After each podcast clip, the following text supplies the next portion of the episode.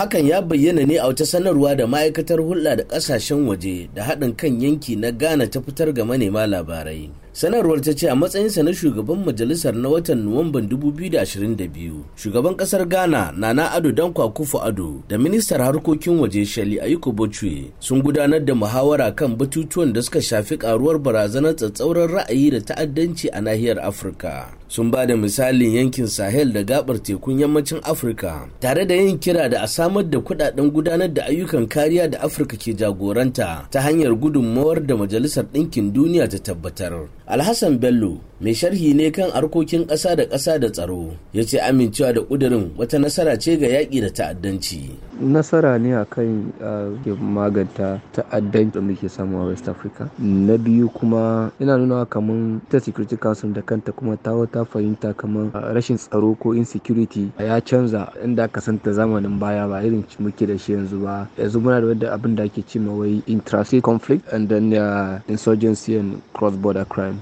Na uku yana nuna kamar yanzu ita security council da kanta ta yadda kamar hanyar da aka bi na farko a nemi tsaro a maganta yawan gaba duka has not yielded result. Na farko da this um, deployment na kai a mali kowane gari ƙasashe da yawa france german kowa ya kai sojoji a wajen duka. Ba dan idin to ana kamar so the best way ne ba wannan wanda ke wannan matsalan da kan sai fi su da za su maganta wannan babi kuma since it is on african continent i mean a bar mu din mu ci gaba mu san da damu kiyaye wannan babi. A ƙarƙashin wannan ƙudurin dukkan ayyukan zaman lafiya da ke ƙarƙashin jagorancin ƙungiyar tarayyar Afirka wato AU da kwamitin tsaro na Majalisar Ɗinkin Duniya ya amince da su za su samu tallafin Majalisar Ɗinkin Duniya da aka tantance na gudunmawar da ya kai kashi 75 cikin 100 na kasafin kuɗi na shekara-shekara sai sauran kuɗaɗen kuma haɗin gwiwar Majalisar Ɗinkin Duniya da ƙungiyar tarayyar Afirka su ne za su tattaro daga ƙasashen duniya. Ministar harkokin waje madam shelley ayiko bochwe ta ce yau babbar rana ce ga afirka da diflomasiya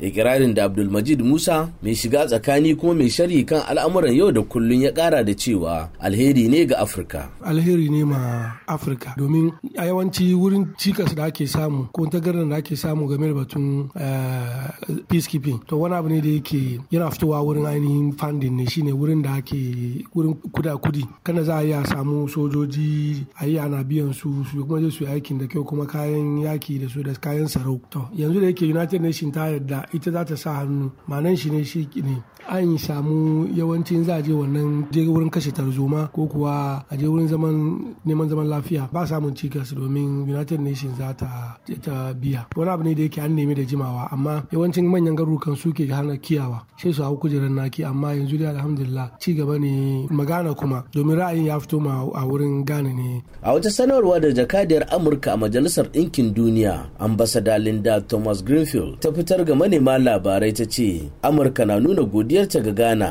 bisa jagorancinta da haɗin gwiwa ga wannan tsarin da kuma dukkan mambobin kwamitin tsaro na afirka guda uku. Muna ɗaukin tabbatar da burinta ta hanyar yin aiki tare da au kan tura tawagar inganta zaman lafiya da kare fararen hula a nahiyar da ke fuskantar barazanar tsaro. Idris abdallah bako sashen hausa na muryar amurka daga accra ghana.